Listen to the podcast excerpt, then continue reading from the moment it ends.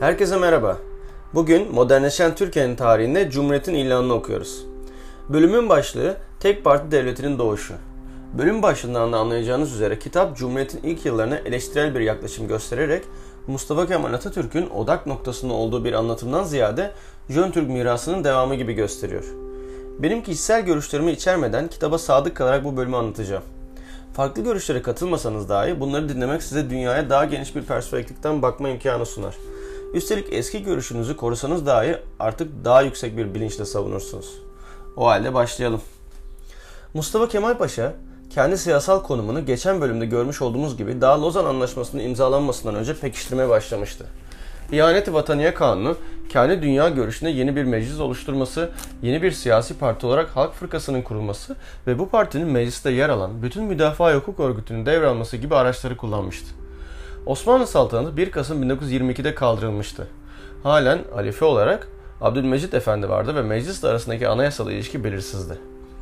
Birçok kişi halifeyi devletin başı olarak görüyor ve kuramsal olarak yetki alanı bütün Müslüman dünyasını kapsıyordu. Mustafa Kemal basına verdiği mülakatlarda bu konuda çözüm arayışında olduğunu söylüyordu. Nitekim mecliste bir hükümet seçme krizi yaratarak Cumhuriyet'in ilanı için ortam hazırladı ve 29 Ekim 1923'te resmen Cumhuriyet ilan edildi. Türkiye Cumhuriyeti'nin ilk Cumhurbaşkanı Mustafa Kemal, ilk Başbakanı İsmet İnönü'ydü. Bu karar, bağımsızlık savaşında rol oynayan bazı ünlü isimler örneğin Hüseyin Rauf, Ali Fuat, Adnan Adıvar, Refet Bele, Kazım Karabekir Ankara'da olmadıkları sırada alınmıştı. Bunlar İstanbul basınında verdikleri demeçlerle bu, bu kararı kıyası eleştirdiler. Kararı zamansız bulup Cumhuriyet ilanının özgürlük getirmediğini, ister Cumhuriyet ister monarşi olsun asıl farklılığın istibdatla demokrasi arasında olduğunu vurguladılar. Cumhuriyet ilanından iki hafta önce Ankara'nın yeni başkent yapılması zaten İstanbul halkının tepkisini çekmiş, binlerce memur işsiz kalmıştı ve İstanbul basını Ankara'yı eleştiriyor ve halk fırkası içinde şiddetli çatışmalar yaşanıyordu. Kasım ayında İstanbul Barosu Başkanı Lütfü Fikri ve Aralık ayında iki Hintli Müslüman Emir Ali ve Ağan halifeye mektup göndererek daha etkin olmasını istemişlerdi. İstanbul'a gönderilen istiklal mahkemeleri Lütfü Fikri'ye 5 sene hapis cezası verdiler ve İstanbul gazeteleri kıyası eleştirilerine devam ediyordu. Nihayet 1 Mart'ta hilafet kaldırıldı ve Osmanlı Hanedan mensuplarına ülkeyi terk etmeleri emredildi. Nisan ayında yeni 1924 Anayasası ilan edildi. Halk Fırkası'nın içinde tartışmalar sürüyordu ve Hüseyin Rauf Orbay önderliğinde 32 milletvekili partiden ayrıldı ve 17 Kasım 1924'te Terakkiperver Cumhuriyet Fırkası'nı kurdular. Halk Fırkası da ismini Cumhuriyet Halk Fırkası olarak değiştirdi. Yeni parti programını yayınladığında Batı tarzı liberal bir parti görünümünde Adem'in merkeziyetçiliği savunuyor, devrimci değişimden ziyade evrimsel ilerlemeyi savunuyor, dış boşlanmaya olumlu bakıyordu. CHP, rakip partinin güç kazanmasına karşı ılımlaşma politikalarını devreye sokup Başbakanlığı Ali Fethi Okyar'ı getirdi. Yine de ülke içinde yaşanan gelişmeler parti içinde İçişleri Bakanı Recep Peker ve onun çevresinde duran bazı katı çizgide kişilerin etkinliğini arttıracaktı. Sertlik yanlılarına ve Cumhurbaşkanı'na siyasal muhalefete son verme fırsatı sunan olay Kürtlerin hoşnutsuzluğunun 1925 Şubat'ında Diyarbakır'da silahlı bir ayaklanma şeklinde patlak verişiydi. Kürt milliyetçiliği yeni bir oluşumdu. Sultan II. Mahmut Kürt beylerini bastırdığından beri Kürtler parça parçaydı. Sultan Abdülhamit bazı aşiretlerden Hamidiye alayları oluşturmuş, daha sonra Jön Türkler döneminde milis güçler olarak teşkilatlanmışlardı. Sevr Anlaşması'nda Kürt bölgesi tanımlandıysa da genel olarak bağımsızlık savaşına destek vermişlerdi. Mustafa Kemal'in savaş sonrası özellikle sözü verdiği söylenir.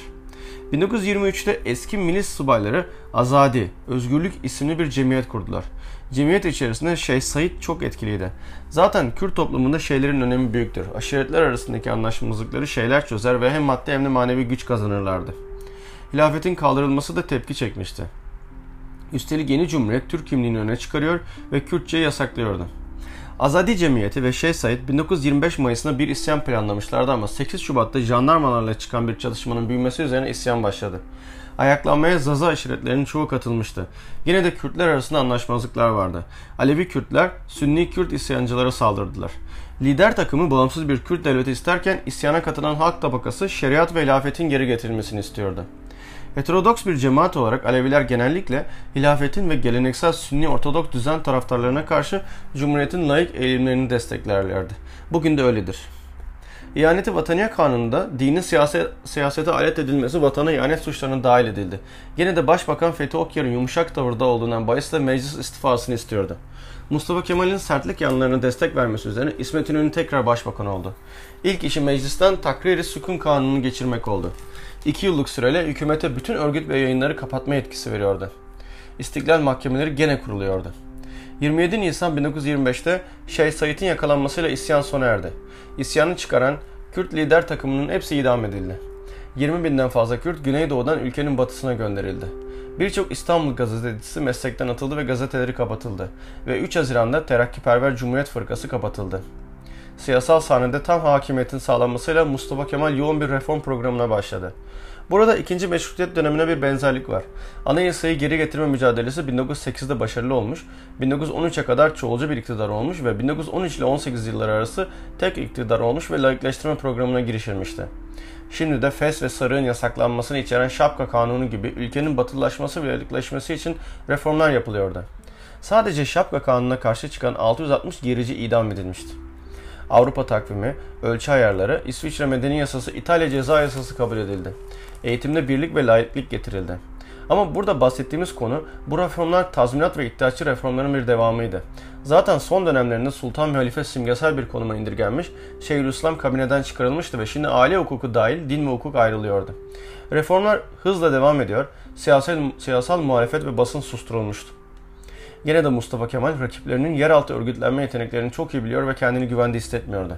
Nitekim bazı rakipleri Mustafa Kemal'i ortadan kaldırmaya karar verdiler. Ege bölgesinde yurt gezisine çıkan Mustafa Kemal'e İzmir'de suikast tertip edildi. Mustafa Kemal'in gecikmesi üzerine tertipçilerden birinin itirafçı olmasıyla suikastçılar tutuklandı. Eski iddiaçılardan Ziya Hürşit'in liderliğinde küçük bir kiralık katil çetesi ortaya çıktı. Bağlantıları olduğu şüphesiyle bütün terakkiperver milletvekilleri tutuklandı. Savaş zamanı kahramanları Kazım Karabekir, Ali Fuat, Rıfet Bele, Cafer Tayyar kamuoyunun baskısıyla serbest bırakılsalar da 16 kişi idam edildi. Ağustos ayında bir diğer davada 4 kişi daha idam edildi. Eski Karakol Cemiyeti'nden Kara Kemal yakalandığında intihar etti. Savaş sonrasının huzursuzluk dönemi Mustafa Kemal'in 15-20 Ekim 1927 tarihinde CHP kongresi önündeki 36 saatlik nutkuyla simgesel olarak kapandı. Nutuk dikkate değer ve son derece etkili bir metindi.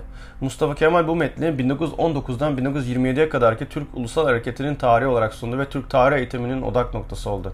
Aslında metin Kasım 1924'te sona erer, ve, sona erer ve çok az bir bölüm sonrasına değinir. Aslında Nutuk, muhalefetin neden yargılandığı sorusuna bir cevaptır ve esasen Terakkiperver Partisi'nin eski liderlerinin eleştirisidir. Nutuk 19 Mayıs 1919 tarihiyle başlar ve Ulusal Direniş Hareketi'nin öncesi göz ardı edilir. Nutuk, tarihsel gerçeği açıkça başkalaştırarak bağımsızlık mücadelesini Osmanlı parçalarını kurtarmak değil, yeni bir Türk devleti kurma hareketi olarak sunar. 1927 Kongresi ve Mustafa Kemal'in nutuğu yeni Türk devletinin doğuşuna ilişkin tarihsel görüşü kuşaklar boyunca belirledi. Bir sonraki bölümde Kemalist Türkiye'nin kuruluşunu inceleyeceğiz.